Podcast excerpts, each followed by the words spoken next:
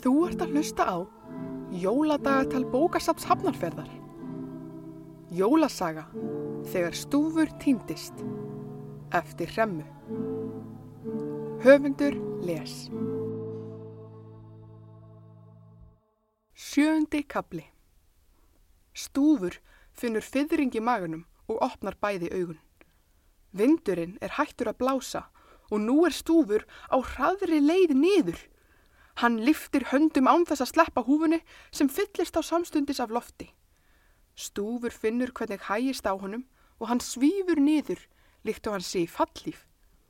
Svei mér þá, nú kom sér vel að vera lítill með stóra húfu, segir stúfur við sjálfan sig og sér að hann nálgast lítið fjall.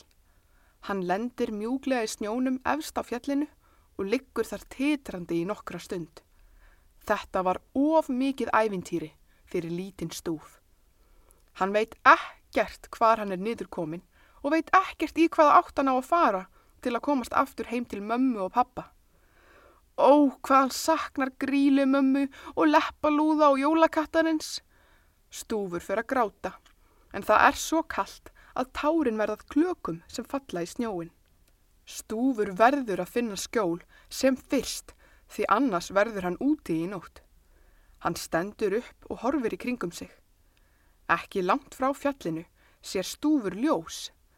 Þangað verði að komast, hugsar hann og arkar af stað niður fjallið. Fljótlega áttar stúfur sig á því að ljósinn koma frá mannabústað og hann verður pínu smeykur. Hann hefur aldrei hitt vakandi mannfólk. Hann fer bara til byggða á nóttunni. Stundum, ef hann sér kræsilegar leifar af mat á pönnu inn í eldhúsi, þá laumast hann inn í hús til að sleika agnirnar, en bara ef hann er viss um að allt heimilisfólkið sé sofandi. Stúfur arkar upp að sveitabæ sem er umvafinn snjósköplum. Hann prílar upp eitt skablin og gæjist inn um glugga.